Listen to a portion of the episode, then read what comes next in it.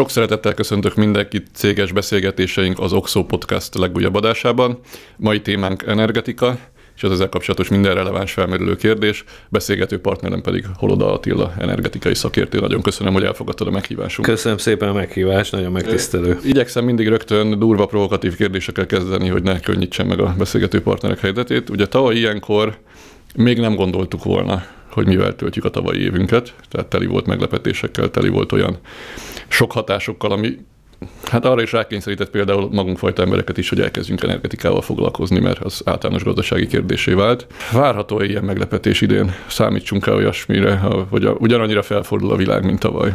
Én azt hiszem, hogy annyira, mint tavaly nem. Tehát a tavalyi azért az egy eléggé sokkoló időszak volt. Azért tavaly ilyenkor már azt legalábbis pontosan tudtuk, hogy nem lesz olcsó az energia, hiszen az azért már 2021 közepétől eléggé drága volt, és ugye egészen decemberre ez felszaladt, de arra azért senki nem gondolt, hogy a, a korábban úgy megszokott ilyen tavaszi, nyári, kicsit ilyen uborka szezon, amikor úgy lejjebb ment az energia ára, na most ez kimaradt köszönhetően a háborúnak. Tehát azt gondolod, hogy idén egy kiegyensúlyozott a bárviszonyokat fogunk tudni látni az energetikai piacon. Van-e bármiféle olyan értelmű, hát mondjuk pozitív vagy kényszerből adódó előremutató hatás az ilyen piacnak, hogy, a, hogy az ilyen árazási viszonyok között a kényszerű alkalmazkodás az innovációt, fejlesztéseket, stb. hozhat.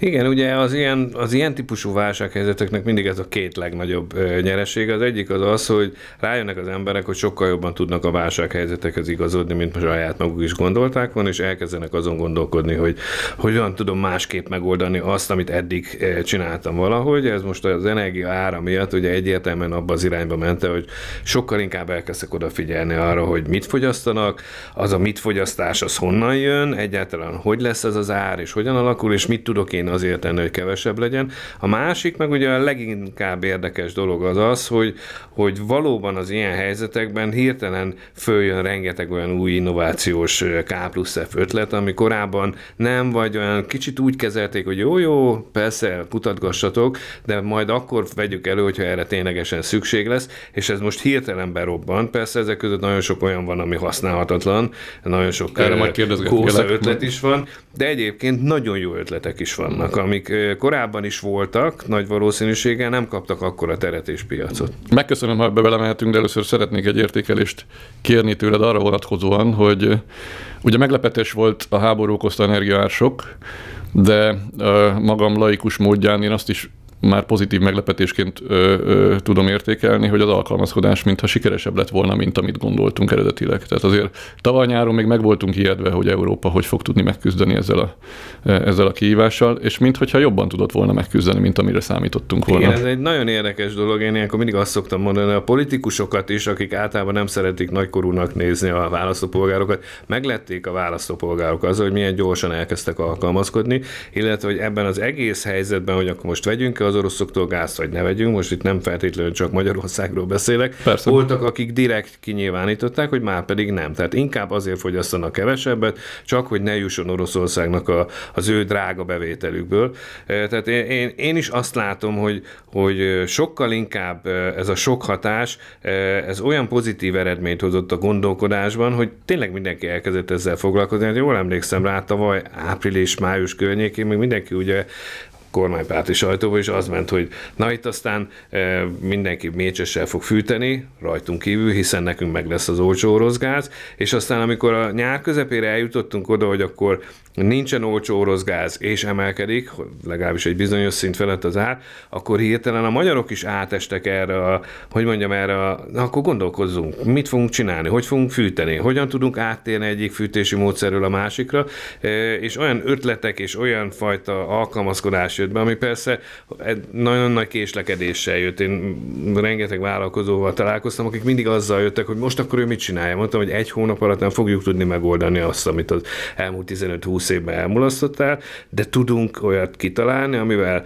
mondjuk úgy, hogy egy picit mérsékelni tudod a saját energiaszámláidat. Még mindig Európáról beszélve, ebből az alkalmazkodásból mennyi, mennyi az szerinted, ami tartósan megmarad? Tehát ami tényleg fogyasztási szokásokbeli változás, meg mennyi olyan, amit most egyszer megtettünk, de soha többet nem tudunk, mert mondjuk nem amiért műtrágya gyártásra szükség van, meg egy csomó ipari leállás, az csak átmeneti lehet tartós, nem? Igen, hát azért az iparnak az a része, ugye a műtrágya gyártás elhangzott, a kohászat például, az építőanyaggyártás, ezek, amelyek nem tudják igazából, vagy legalábbis egyik pillanatról másikra nélkülözni a, a földgáz, de a műtrágya gyártás nem tudja egyáltalán, hiszen ott magából a földgázból állítják elő. E, tehát nyilvánvaló, hogy amikor hirtelen beindult egy spórolás, és ezek leálltak, az nem egy járható út. Mint ahogy az sem egy járható út, én mindig azt szoktam mondani, hogy a, a, a pánikhatás miatt kialakult spórolási kényszer azért az nem egy kényelmes, komfortos dolog senkinek. Minden, vannak emberek, akik szeretnek 24 fokba üldögélni, van, aki meg könnyedén üldögélni a 20 fokba. Most a 24 fokos szerető emberek, azok is 20 fokba üldögélnek, mert hogy spórolni kell, de azért ők nem érzik magukat komfortosan. Tehát nekünk úgy kell eljutni egyik eh, változástól a másikig, hogy egyrészt e, ebbe találjunk valami fajta lehetőséget, hogy kevesebb energiával ugyanazt a komfortfokozatot tudjuk elérni. Az, ami ilyen típusú átalakítás volt, és ugye azt mondjuk rá, hogy ez már nem, vagy nehezen visszacsinálható, az az, hogy egész egyszerűen rájöttek az emberek arra, hogy nem igazán szabad egyik vagy másik típusú eh, energia mellett nagyon erősen elkötelezni magad úgy, hogy ne legyen arra lehetőséget, hogy válts az egyikről. Ugye most hirtelen mindenki áttért, vagy legalábbis nagyon sokan, földgázfűtésről a villamos fűtésre, aztán kiderült, Ami hogy, hogy nem lesz olcsóbb. Az se lett, egy, egyrészt az sem lett olcsóbb, viszont a villamos fűtés ilyen szempontból sokkal hatékonyabbnak bizonyult számukra, hiszen sokkal jobban szabályozható. Ugyanakkor vannak, akik nem tudtak, azok meg elkezdték keresni, hogy hogyan tudom én úgy szabályozni a saját meglévő rendszeremet is, hogy abban a, a, az én komfortom is teljesüljön, de egyébként ne fogyasszak annyi földgázt mondjuk, mint korábban. És megtalálták a módját, nem olyan bonyolult, keresni kellett egy termosztátot a, a házba, vagy mondjuk picit okosítottak a rendszeren, és akkor az okosított rendszer az már egy picit, mondjuk úgy, hogy én mindig azt mondtam korábban, hogy az okos rendszereknek az előfeltétele, hogy okos fogyasztók legyenek. Hát most okos fogyasztó nem lett, de legalábbis tudatos fogyasztó lett, tehát elkezdték figyelni, hogy hogyan tudják a rendszert okosítani. Még mindig a kényelmetlen kérdéseknél tartva, hogyha mert ugye európai alkalmazkodásról beszéltünk, és összességében az európai piac alkalmazkodott jól, hogyha itt tornasorba kell állítani magunkat, akkor szerinted Magyarország ezen belül eleve honnan indult, nyilván megvan a magam válasza, de nem akarom, nem akarom irányított módon átkényszeríteni. Másrészt mennyire tudtunk alkalmazkodni, és mennyi alkalmazkodási feladat van még hátra? Hát mi nagyon hátulról indultunk, tehát ugye éppen a rezsi csökkentés hazug ideológiájának köszönhetően mindenki azt hitte, hogy ez egy évtizedeken át fenntartható dolog, az energia az olcsó punktum, megmondta a kormány. Ehhez képest jött be ugye a nyár közepén ez a változás, tehát nekünk, nekünk ez a sok, ami Európát érte, talán legalább duplájával, ha nem háromszorosával hatott, hiszen eh, gyakorlatilag rajta kaptuk a kormányt azon, hogy hát eddig nem mondhatok nekünk ezzel kapcsolatban igazat, eh, és nekünk akkor mégiscsak igazodni kell hozzá. Eh, ez a fajta sok helyzet nyilván a magyarokat rosszabbul is érintette. Nem azért elsősorban, mert nem vagyunk jók alkalmazkodó képességben, azért, mert a magyar jövedelem viszonyok nem teszik azt könnyedén lehetővé, hogy ezt az alkalmazkodást viszonylag gyorsan csinálják meg. Ebből következően nem állunk állunk olyan jól, mint amennyire állhattunk volna, hogyha mondjuk az elmúlt 10-15 évet arra fordítjuk, hogy sokkal hatékonyabban használjuk fel az energiát. Önmagában gázbeszerzés, mert ugye beszéltünk arról, hogy ne, vagy említetted, hogy nem, nem szerencsés, hogyha egyfajta energiaforrás használ valaki, és nem nincs meg a lehetőség az átállásra. De ugye az is a tanulság, hogy ha már egy energiaforrást használunk, akkor azt ne egy helyről szerezzük be. Ebben mennyit haladtunk előre, vagy hogy látod, mik a lehetőségeink? Hát mi egy nagyon sajátos utat jártunk be ebbe a dologba, ugye mindenki azt mondta az Európai Unión belül is, de egyébként benne van a magyar kormány által 2011-ben már elkészített stratégiában, több mint 10 éve elkészített stratégiában, hogy diversifikálni kell az útvonalat is, a beszerzési útvonalat, és diversifikálni kell a forrásokat is, ahonnan beszerezzük. Hát ezek olyan jól sikerült, hogy mondjuk 2010-11-hez képest még jobban elköteleződtünk Oroszország irányába, mint az akkori volt, pedig az sem volt kicsi. E, ugye akkoriban azt mondtuk, hogy nagyjából 65-70 százalék körül az elköteleződés, most már 85-re sikerült feltornázni, ami azért érdekes, mert bejött ez a sok helyzet, és erre, erre válaszul vagy reakcióként a magyar kormány újabb orosz gázmennyiséget szerzett be, ami Európa sőt, hát, ahogy értjük, kicsit ilyen igen, sőt, ha nagyon jól értjük, akkor lehetőleg rosszabb árazással, vagy kifejezetten rossz ütemérzékkel szereztük be ebben jó találgatások? Tehát... Hát ebben jó találgatások, meg az is nyilvánvaló, és ez az igazsághoz mindig hozzátartozik, hogy már ott kezdődött a probléma, hogy miért kellett nekünk 2013-ban megszerezni a földgáz nagykereskedelmet Magyarországon, mármint állami szinten. Ugye korábban az EON volt a nagykereskedő, azt megelőzően meg ugye a MOL, de az EON volt nagyjából a 2005 végétől kezdődően, és azért azt kell látni, hogy az EON az egy hatalmas nagy vállalat. Amikor az EON leült tárgyalni a Gazprommal, akkor a Gazprom vezérigazgatója még véletlenül se várakoztatja meg az előszobába ugyanúgy az EON vezérigazgatóját, mint ahogy megvárakoztatta a Szijjártó Pétert. Egész egyszerűen tudomásul kell venni, hogy hol van a helyünk, hol van a szerepünk. Azért egy 4-4,5 milliárdos éves mennyiség, az egy jelentéktelen mennyiség a teljes oroszhoz képest. Hát gondoljunk bele, 2022. február 24-ig az éves mennyiség Oroszországból nagyjából 160 milliárd köbméter volt. Most ehhez képest mi vásároltunk, illetve alkudoztunk 4 milliárdról, nem is lehetett olyan jó pozíciót elérni, mint mondjuk akár a németek el tudtak érni. Most egyébként mennyi a mennyiség az európai piacokra, még hol tart az értékesítés? Hát most ott tart az értékesítés, hogy nagyjából negyedére esett vissza eh, az oroszoktól érkező mennyiség, és ugye ebben az igazán sokkoló az, hogy az eddig legnagyobb mennyiségben vásároló Németország az bejelentette, hogy 2023. január 1-ére nullára vitte le a korábban 55-60 százalékos kitettségét. Tehát meg lehetett volna csinálni, Persze neki mások az adottsága is, meg más országok van, van összeköttetésben a saját infrastruktúrája, de meg lehetett volna csinálni, vagy legalábbis elindulni abba az irányba. Egyébként Ehhez képest mi, mi, mi nem. Igen, az infrastruktúrális lehetőségeink mik? Tehát mi honnan tudnánk egyáltalán beszerezni? Ugye azt szoktam mondani, hogy ha 25 évvel ezelőtt beszélgetünk, akkor gyakorlatilag egy vezeték Magyarországra Ukrajna felől, illetve akkor még a Szovjetunió felől, és ahhoz képest most ott tartunk, hogy Szlovénián kívül az összes környező országgal össze vagyunk kötve eh, gázvezetékkel. Persze más, hát más a kapacitás. is vásárolhatnánk. De elvileg norvég gáz is, mert ugye Szlovákiával össze vagyunk kötve vezeték eh, kapcsolattal. A szlovákok összekötötték magukat, úgy november-október környékén befejeződött a beruházás, amikor összekötötték magukat a lengyelekkel. A lengyelek akkoriban adták át ezt a, a Baltic Pipe nevezetű kapcsolatrendszert, ami ugye norvég gáz, tehát elvileg norvég gáz is tudunk venni, sőt, ugye a lengyeleknek van LNG termináljuk, a litvánoknak van LNG termináljuk, ez a két terminál össze van kötve, tehát tudunk vásárolni lengyel LNG terminálból is. Miközben nálunk még mindig, ugye még alapból még mindig mindenki az oroszról beszél, illetve jó, talán a, a horvát terminálról tudunk venni, de ma már ez nem igaz, hiszen bárhonnan tudunk venni földgázt. Itt mennyire vagyunk kiszolgáltatva annak, hogy akin keresztül vásárolunk, az esetleg felsófolja az árakat, vagy a szállítás az irreálisan drágává válik. Nyilvánvaló, hogy van, van benne ilyen is. Tehát, hogyha ha, ha egyik vagy másik irányba elköteleződünk, akkor az nyilvánvaló, hogy az eladó az érzi az ő pozícióját, és akkor szépen óvatosan elkezdi fölfelé tornázni az árat, de minél több rendszerrel vagyunk összekötetésben, annál kevésbé fognak minket ilyennel megzsarolni, mert azt mondja, hogy jó, hát akkor le tudom cserélni mással. Amikor az alkalmazkodás országos szinten is történik, meg általában bármilyen szinten, akkor az ember nem csak azt gondolja végig, hogy kinek van kiszolgáltatva, hol kell diversifikálni, hol kell kicsit lazítani a kiszolgáltatottságon, hanem mik az ő előnyei, mik az ő jó adottságai. Energiai politika szempontból amelyet, hogy ugye van egy csomó negatív adottságunk, van-e pozitív adottságunk, tehát van olyan, amit érdemes kihasználni.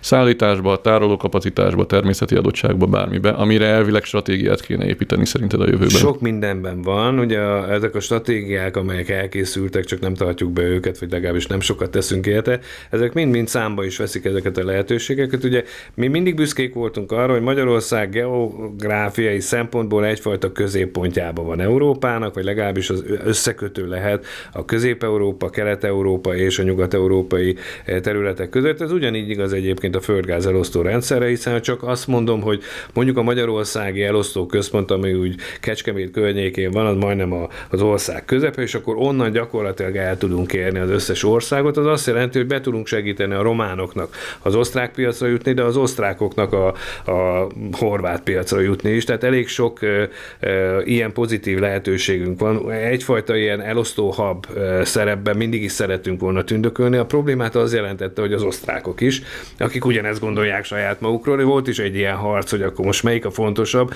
a Baumgartner csomópont, vagy mondjuk a magyarországi városföldi csomópont. Kicsit az osztrákok felé hajlott a dolog, nyilván a megbízhatóság, meg a korábbi sokkal jobb kapcsolatrendszer miatt is. Hogyha a természeti adottságokat nézzük, akkor azt kell nézni, hogy nekünk milyen ásványkincseink vannak, ami mondjuk fűtési vagy éppen energetikai célból felhasználható. Ugye nálunk kicsit ilyen lesajnálva beszélnek erről a széntüzelésű erőművekről, e, de azért ne felejtsük el, hogy Magyarországon 6,5 milliárd tonna kitermelhető e, szénkészlet van, annak jelentős része lignit, amivel nem vagy nem nagyon tudunk kezdeni semmit, holott Éppen a mostani válsághelyzet igazolta az, hogy több ország esetében inkább elindultak abba az irányba, hogy akkor kezdjük el korszerűsíteni az ISN-es erőműveket, legyen kisebb a kibocsátási értéke, de ne dobjuk ki a kukába azt a lehetőséget, ami a kezünkben van. És való igaz, ilyen szempontból a magyarországi szén eh, tüzelésű lehetőségeket nem kellene egyik pillanatra a másikra megszüntetni, még akkor sem, hogyha pontosan tudjuk, hogy a valamikor Gagari hőerőműnek hívott Mátrai erőmű, az bizony egy nagyon régi konstrukció, nagyon rossz a kibocsátási értéke, és nem is nagyon foglalkoztunk vele, hogy megjavítsuk, holott megtettük volna. Ne felejtsük el, hogy Németország évente több mint 170 millió tonna kőszenet éget el. És, igen, és viszonylag messziről hozza. Milliót, és igen. viszonylag messziről hozza. A másik, ami nagyon fontos, és nekünk ez, ez szintén egyfajta ilyen hát hogy mondjam, ilyen évtizedes dicsekvésre ad okot, mindig el szoktuk mondani, hogy melegvizes medencén ülünk, kiválóak a geotermikus adottságai Magyarországnak, elsősorban abból adódóan, hogy a magyarországi Pannó medencénél a föld kéreg vastagsága nem olyan ö, nagy, mint más területen, ebből következően nem kell olyan mélyre fúrni, hogy sokkal melegebb vizet érjünk el. Ezt kihasználtuk balneológiai, gyógyászati, gyógyturizmus célra, viszont geotermikus célra nagyon-nagyon minimálisan. Csak ami én statisztikákat ismerek, igen, abból azt tűnik ki, hogy mintha mintha európai összehasonlításban szinte nálunk lenne az egyik legkisebb kihasználtsága a geotermikus energiának. Tehát és a, ugye nem milyen tudom, ellentmondás ahhoz képest, hogy nálunk van az egyik legjobb lehetőség. Ugye az európai országokat nézzük, talán Olasz, Olaszország az, ami ehhez hasonlítható, de leginkább Törökország, ahol még ennél is jobbak a feltételek, de ehhez képest mi valójában geotermikus fűtésre, tehát fűtési célú geotermiát nem nagyon használunk. Igen, csak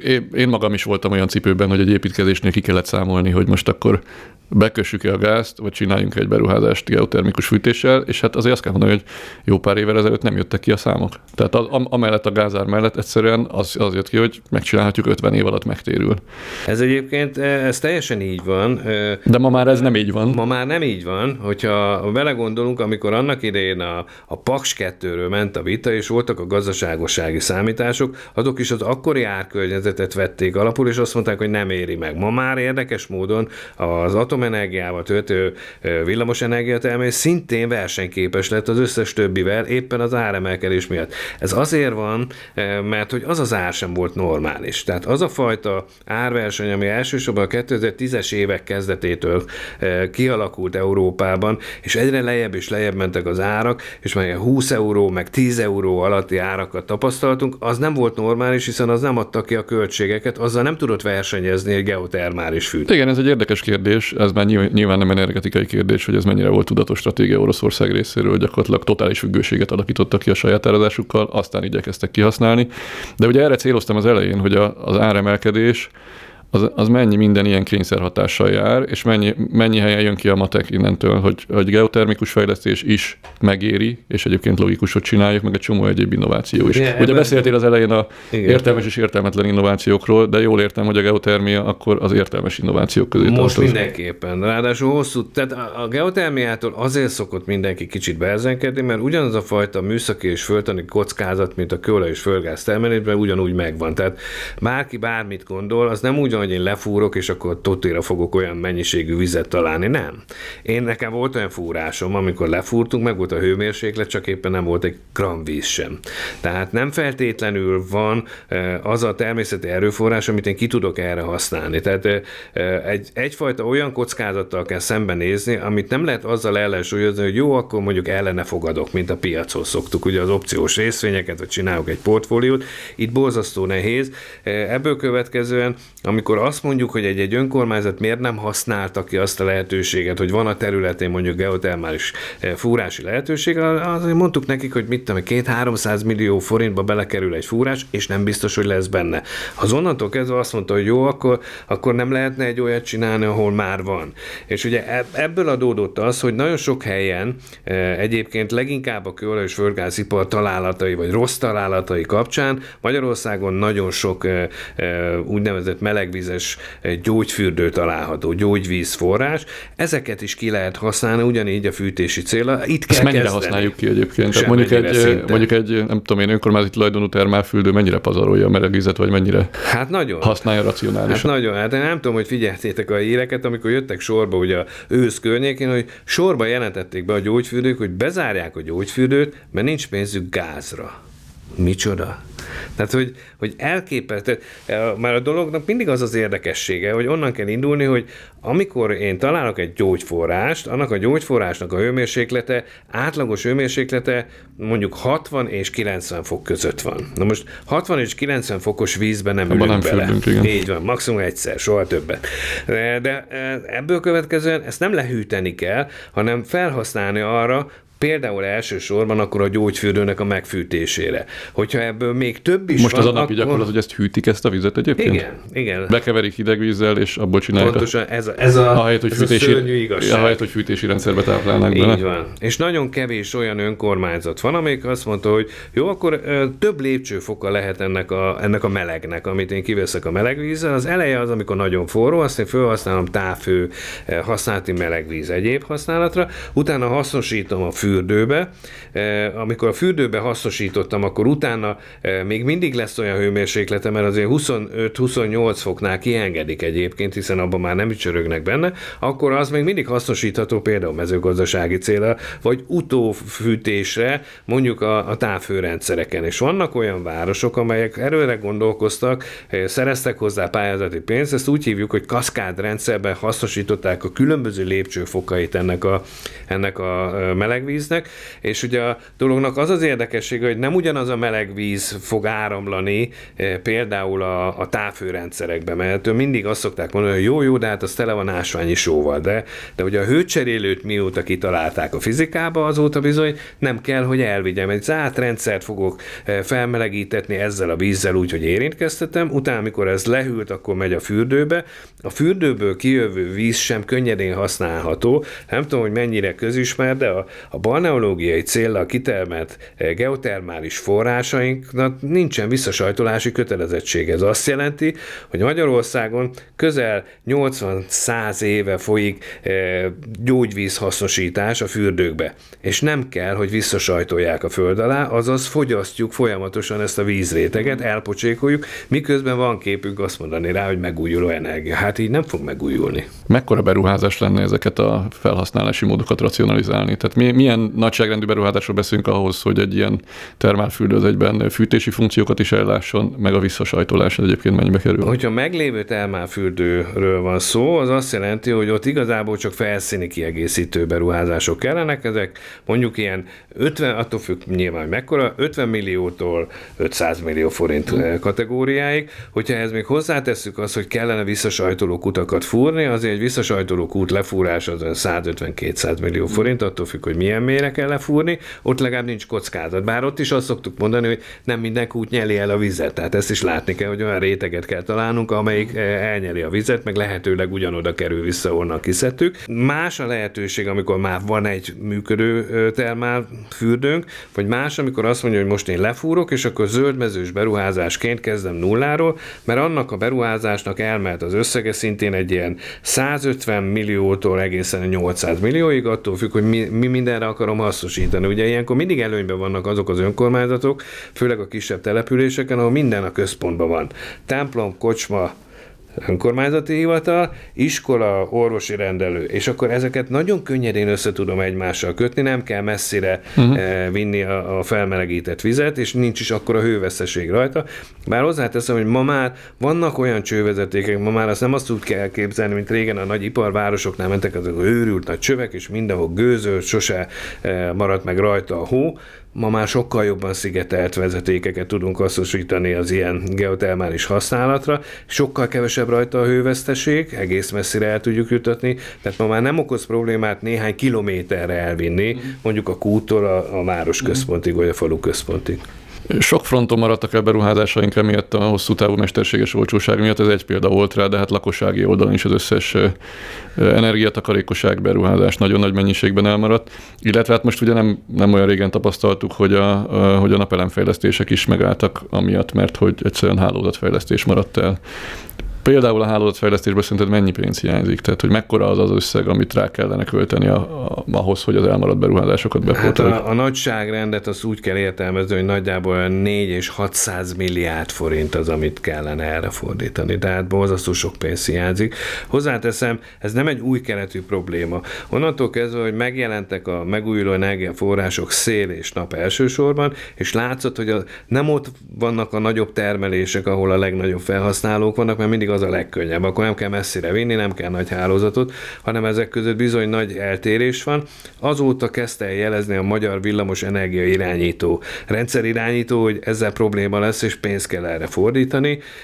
Többször, több fórumon, mindenféle kongresszusokon ők mindig jelezték ezt a problémát, csak mindig a, a besöpörték a szőnyeg alá, mondta, hogy ó, még tudjátok fogadni, persze, de egy idő után nem tudjuk fogadni, és a, a problémát az jelenti, nem csak az, hogy vezeték hiányzik, vagy nem hiányzik, hanem amikor a, a lakossági, e, mondjuk a háztetőkön e, ott lévő napelemek, amikor termelnek, azok 250 volton termelnek, ugye?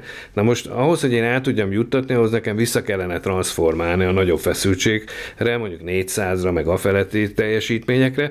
E, igen ám, de a trafó állomásaink erre nincsenek kiépítve, ők csak egy irányba tudnak transformálni, az, ami érkezik, azt le tudják eh, transformálni erre a kis feszültségszintre, és visszafelé nem. Ezért okoz problémát. Mindig arról szoktak beszélni a rendszerirányítók, hogy a, a trafó alatti körben kellene valahogy kiegyensúlyozniuk az éppen betáplált, meg az éppen elfogyasztott energiát, és ez okozza a nagy problémát, mert ha ezt nem tudják megcsinálni, akkor feszültségingazodás eh, lép föl, és akkor nem tudnak megfelelni annak a kötelezettségüknek, hogy folyamatosan stabilan lássák el a rendszereket villamos energiával. Tehát két-három puskás stadionnyi pénz hiányzik hát a korszerűsítésből. Ezzel együtt hogy állunk? A, ugye most gázról beszéltünk és kiszolgáltatottságról, elektromos áramban hogy állunk egyébként, ott milyen a pozíciónk? Hát nem vagyunk jó pozícióban ott sem. Tehát, hogyha mondjuk az elmúlt 15 évet nézzük, akkor azt látjuk, hogy folyamatosan növekedett a magyarországi importigény. Miközben egyébként a felhasználás igény nem emelkedett drasztikusan. Tehát mondjuk a legalacsonyabb igény a, a rendszeren az olyan 3000 megawatt körül van, a legmagasabb meg 7000. Ez nem nagyon változott, ebbe a sávban mozgunk, csak éppen a saját termelésű erőműveinknek csökkent a száma, ugye estek ki sorba a szenes erőművek, ma már gyakorlatilag csak egy szenes erőművünk maradt, e, gázos erőművek is e, estek ki belőle. Ez azt jelenti, hogy a magyarországi villamos energia felhal fogyasztásnak a nagyjából 28-30 százalékát importból szerezzük be.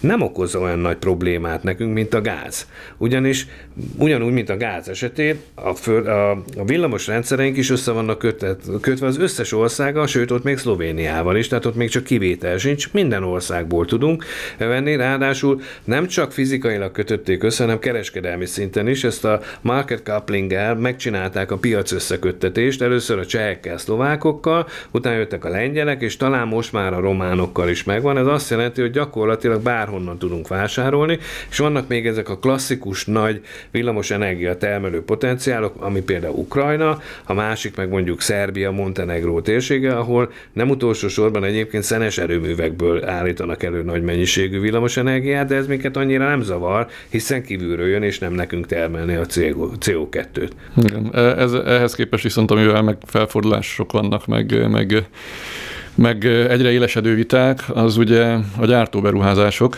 amik meg Magyarországra jönnek a maguk környezeti hatásával, de most nem is a környezeti hatásról akarok kérdezni, hanem hogy látva, hogy egyébként lényegében energiából folyamatos importra szorulunk, Egy-egy ilyen gyártóberuházás hogyan borítja fel ezt a mérleget, vagy mekkora tétel az energiafelhasználásban? Tehát mondjuk egy deceni akkumulátorgyár, az úgy elmegy, mert statisztikai hiba határ alatt van, vagy, vagy ennél azért erősebb a hatása? Hát ennél sokkal, de sokkal erősebb. Tehát itt az az alap probléma, hogy miközben valóban mind villamos energiából, mind földgázból importra szorulunk, nem is kicsire. Földgázból nagyon sokra. Idehozunk olyan gyártókapacitást, ami meg, amiből sokat kíván, az az energia. A földgázból is, meg villamos energiából, plusz még vizet, plusz még föld, termőföldet fog igénybe venni, tehát egy csomó olyan dolgot, amiből nekünk nem, vagy na, egy kicsit szűkösen vagyunk belőle, de leginkább a problémát az energetikai rendszereknél okozza, mert például villamos energia igénynél ugye ez el is hangzott, hogy ez az új ipari terület, ami Debrecen környékén megvalósításra kerül, ez önmagában egy mostani paksi blokknak az üzemeltetési mennyiségét, vagy a megtermelt mennyiségét fogja kívánni, tehát na, nagyjából 400-500 megawattnyi teljesítményt. Nincs ilyen plusz teljesítmény ebbe a rendszerbe. Nem véletlen, hogy az új energiaügyi miniszter pont ezt emelte ki, hogy nagyjából 50%-kal kellene, hogy növeljük a villamos energia fogyasztáshoz, vagy a saját kapacitásunkat, vagy az import kapacitást. Tehát Paks 2 nélkül nincs értelme a ezeknek a gyártóberuházásoknak, jól értem? Tehát, sőt, ma már ott tartunk, hogy talán még a Paks 2 fölé is kellene mennünk valamilyen plusz villamosenergia termelő kapacitással. És Paks 2 esélyét hogy látod? Egyébként? Fú,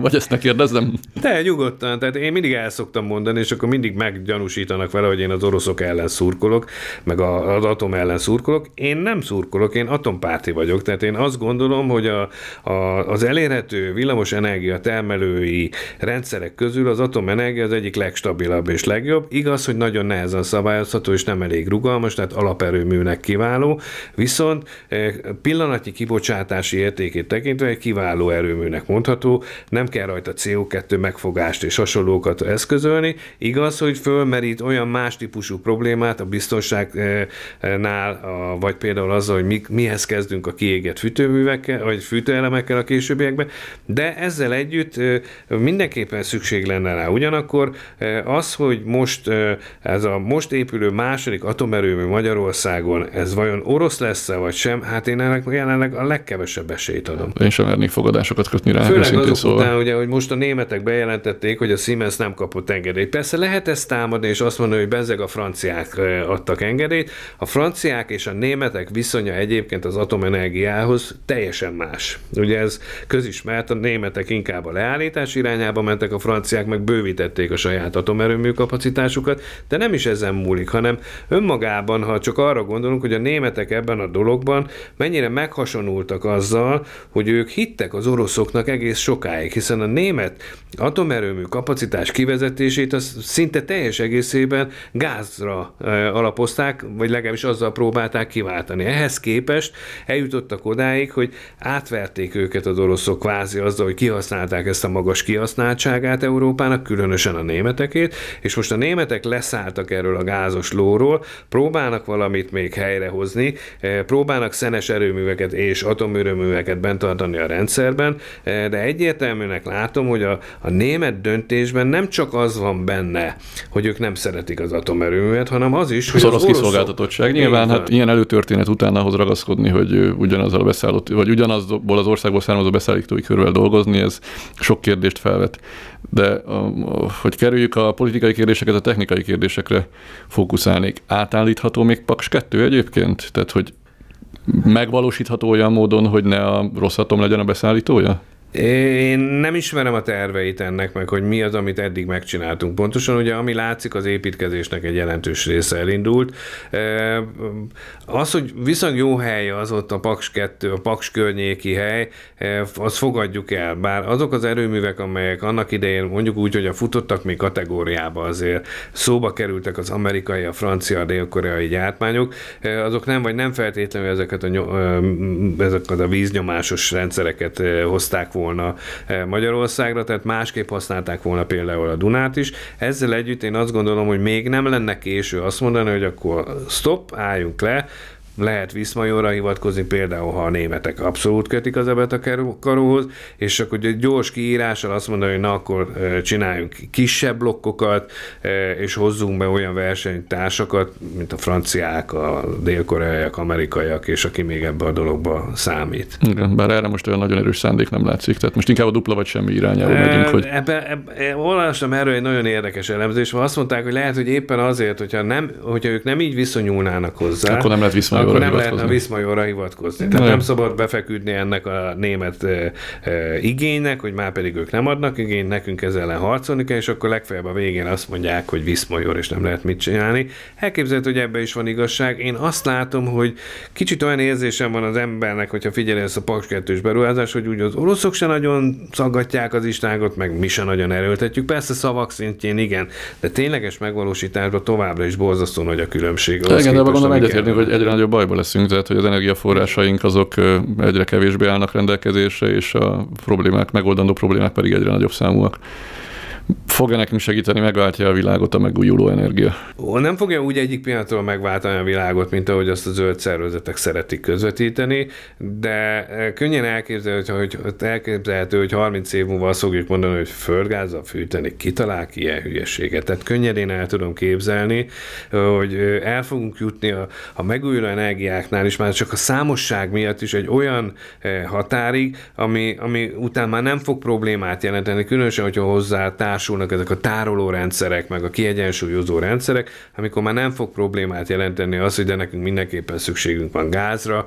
Még az is lehet, hogy az atomerőműveket is meghaladja a világ, hiszen azért folynak új kísérletek, akár a fúziós erőművekre gondolunk, vagy akár a kisebb méretű, ezeket a small modulár reaktorokra is, amelyek kisebb könnyebben telepíthetők, akár mondjuk egy ilyen debreceni beruházást könnyedén le lehetne kezelni vele. Én azt gondolom, hogy 30 év múlva totálisan más energetikai rendszerekbe fogunk gondolkodni, mint amit most el tudunk képzelni. Milyen beruházási, vagy milyen technológiai prioritást állítanál be? Tehát mivel kéne Magyarországnak foglalkozni? Elsősorban szél, nap, geotermia, stb. Én technológiák közül. az energiahatékonysággal foglalkozik. De, a, igen, azt alap... tudjuk, hogy, igen, tehát, hogy mindig az a, mindig az a leghatékonyabb energia beruházás, ami az energia megtakarítást eredményezi, és nem az, ami energiatermelést. Tehát nyilván ez az első, és akkor utána állítsuk be a többi sorrendet. Hát utána én azt gondolom, hogy minden egyes olyan energiának, aminek Magyarországon van lehetőség rá, hogy megtermeljük, azt csatasorba kéne állítani.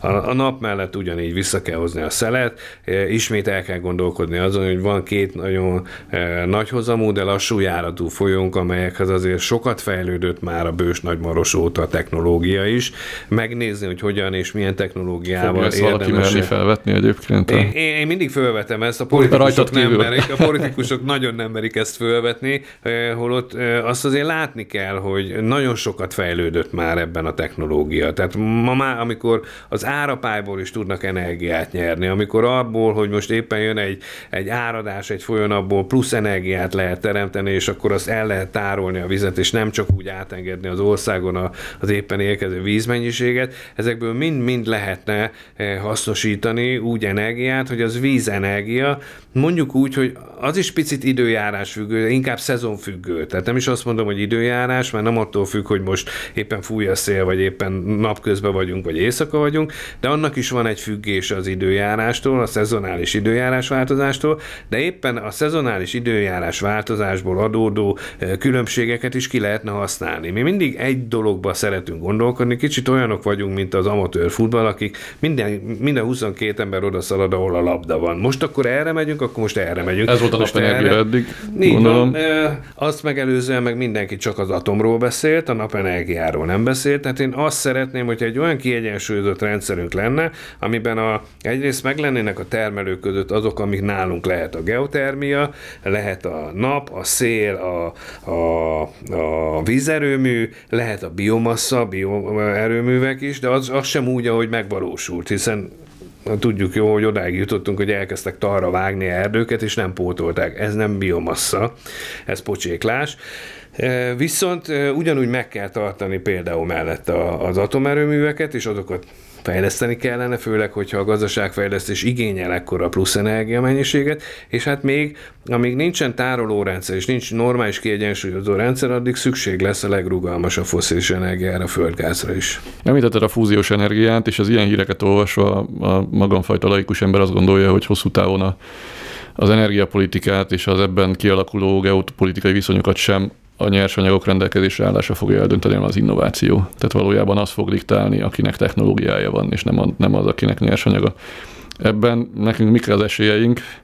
Abban nem, nem gondolom, hogy naív elképzeléseket táplálok, hogy mi most előre tartanánk az innovációban, de be lehet -e hozni. Vagy itt is az a veszély, hogy mondjuk az USA-nak lesz fúziós technológiája, és akkor ő fogja megmondani, hogy ki termelhet ebből energiát, és ki nem. Ez egy érdekes dolog, ugyanis van egy világ fúziós projekt, amit a világon rengeteg ország vesz benne részt, Magyarország is egyébként. A korábbi KFK, ugye ez a Központi Fizikai Kutatóintézetnek vannak ott szervezetei, akik ezzel foglalkoznak, és kiváló munkát végeznek. Tehát egy nagyon alaprészét eh, csinálják ennek a fúziós erőműnek, ami majd eh, Franciaországba épülne föl, és abba Indiától eh, Kínáig sok mindenki részt vesz, és megpróbálja a saját magáét hozzáadni. Azért kicsit olyan, mint amikor 15 embernek adunk a kezébe pemzit, hogy akkor rajzoljatok egy, egy szép nagy zsiráfot, és akkor végén kiderül, hogy ez zsiráf, hát inkább zebrának nézni, vagy elefánnak, tehát hogy minden lesz, csak nem zsiráf. Tehát nyilván meg kell próbálni összehangolni, de a, a nagyon érdekes, amit mondtál, hogy az fog nyerni, aki először lesz képes egy olyan energiatermelő egységgel megjelenni a piacon, ami kvázi ilyen dobozos egységként leveszem, eladom, kész, oda telepítem, és ez látszik például a, a moduláris smart modulár reaktorok, tehát az a kisméretű atomreaktoroknak a fejlesztésénél, ugyanis rengeteg ország fejleszt, mi is. Nagy valószínűsége Aszódi Attila erről sokat tudna mesélni, eh, de az alapproblémát azt látom, hogy ők most nagyon nem, haszol, nem hangolják össze a dolgaikat, azért, mert pontosan tudják, hogy aki az elsődvel kijön a piacon, ő ugyanúgy tarolni fog, mint ahogy például a Tesla letarolta a villamos autópiacot a legelején. Aztán persze jönnek majd a többiek is, és mondják, hogy az övéké is legalább olyan jó, de az első az nagyot fog szakítani, ebből következően kicsit ilyen, ez az enyém, nem adom senkinek, eh, a másik véglet meg ugye, amit mondtam, hogy a fúziós erőműveknél eh, nagyon sok ország összefogott, megpróbálják összerakni, de valahogy nincs úgy összehangolva, hogy akkor egyformán járjanak. A dél-koreaiak azok előrébb járnak, a franciák hátrébb járnak, miközben ugyanazt az elemét csinálják egyébként a fúziós erőműnek, csak ilyen, ilyen mint a torta szeletet így fölosztották, hogy te ezt csinálod, te ezt csinálod, te ezt csinálod, az egyik az már majdnem kész van, a másik a harmadánál tart, a negyedik a negyedénél, így sem lehet.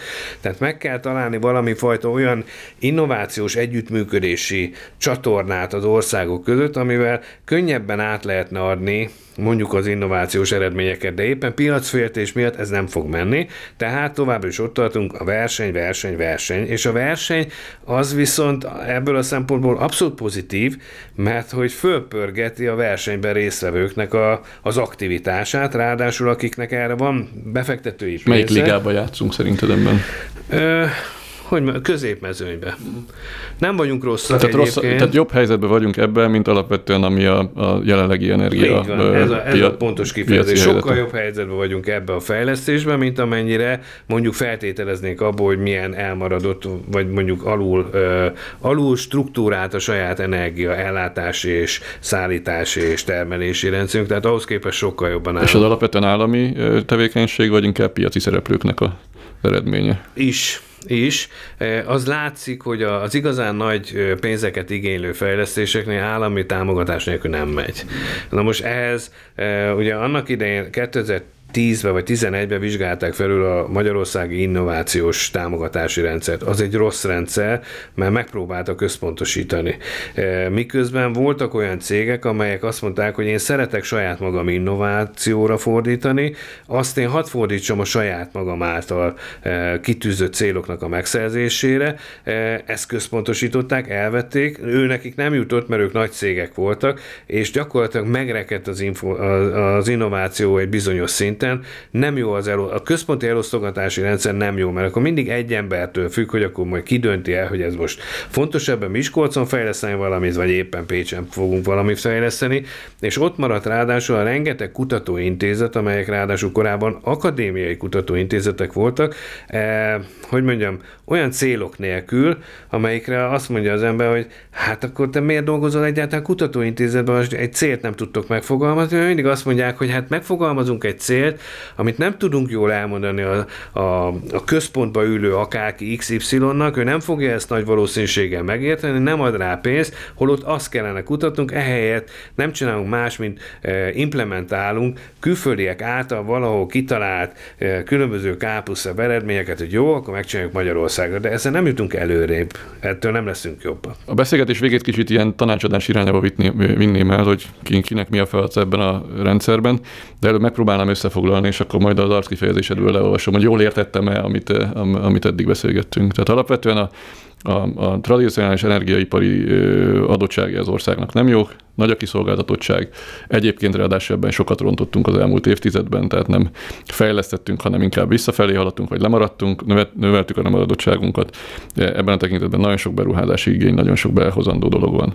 A megújuló energia területén ott nincsenek ilyen történelmi lemaradottságaink, vagy negatív adottságaink, ott előttünk a pálya, tehát hogyha kellően diversifikálunk, értelmesen fejlesztünk, akkor, akkor normális mezőnybe tudunk maradni, de a jelenlegi képességei megújuló energiának mindent nem fognak megoldani, tehát az még nagyon sok innovációt igényel. Az innovációs területen pedig, ahogy mondtad, középmezőnyben vagyunk, tehát ott nincs okunk egyelőre nagyon sajnálni magunkat, hanem egyszerűen az a feladatunk, hogy tartsuk a tempót és végezzük el azokat az innovációkat, aminek a végén akár az az eredmény is lehet, hogy a a jó, jó ideje meglévő kiszolgáltatottságunkból és a energiai, energetikai nehézségeinkből akár egy kedvező pozícióba is kerülhetünk, de ez sok innovációt, sok ilyen irányú beruházást igényelne. Ha ez így van, akkor bízunk abban, hogy az ezzel kapcsolatos stratégiai döntéshozók azok értik, és, és ebbe az irányba viszik majd a a kormányrudat, hogy igen, így lesz, vagy nem, azt majd meglátjuk, de egyénenként, vállalkozásonként, háztartásonként ki mit tud tenni? Tehát, hogy kinek mi a dolga egyébként ebben a helyzetben?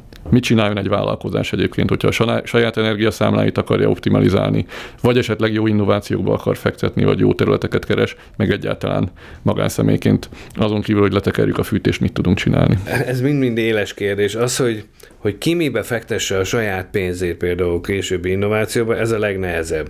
Mert ezeknek az innovációknak a, az elején egyáltalán biztos, hogy látszik belőle, hogy ebből mekkora durranás Igen, de az profi befektetők dolga. Tehát az a mi szakmánk egyébként most nem, nem, nem úgy értettem a tanácsadás részét, hogy nekem mond meg, hogy hova fektessünk. Stimmel. Azt majd egy külön beszélgetés keretében beszéljük.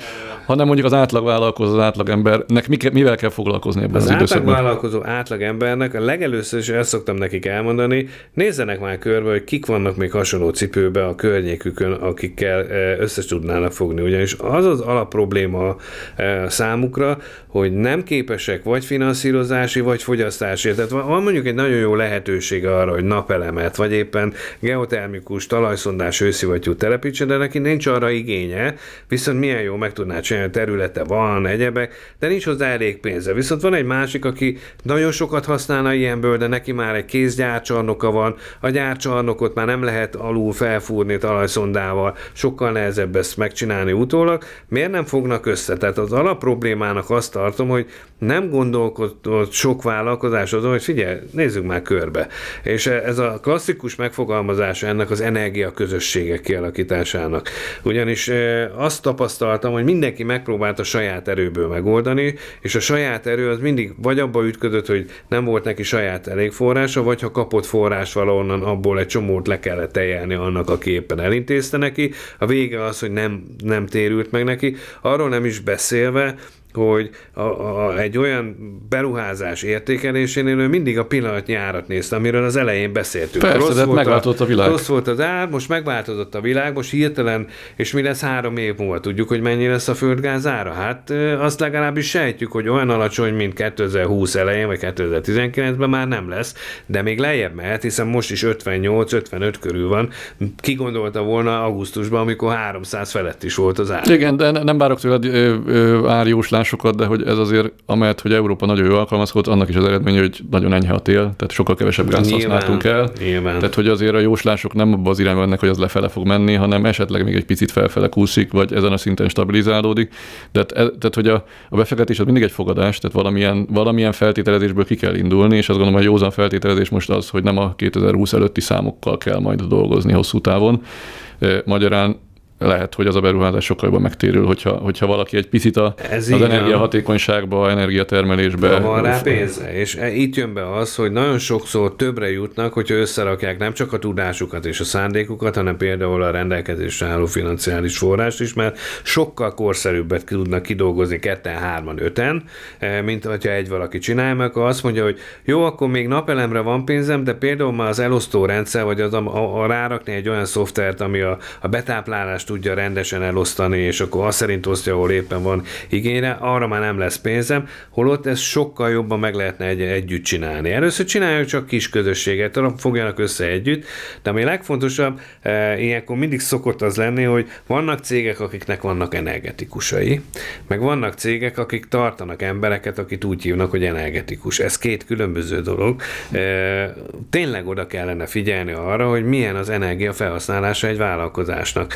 E, a legostobább, legegyszerűbb dolgokból szokott kiderülni, hogy, hogy mennyire nem figyeltek oda az energiára. Volt, kapcsoltuk a lámpát, állandóan éget, működjön a, a számítógéprendszer, nekünk a szerver teremre szükségünk van, mert mi nagyon-nagyon fontosak vagyunk, és akkor utána jöhetett egy energetikus, és mondhatta, hogy amúgy a szerverteremben folyamatosan 60 fok van nem kéne az irodaházba valahogy, vagy legalábbis segítsünk már rá ebből a fűtésből. És akkor mekkora ötlet tényleg? Miért nem jutott hamarabb eszedbe Józsi? Azt mondta, hogy de nekem eszembe jutott, csak a kutya meg nem kérdezett. Most kérdezzék meg.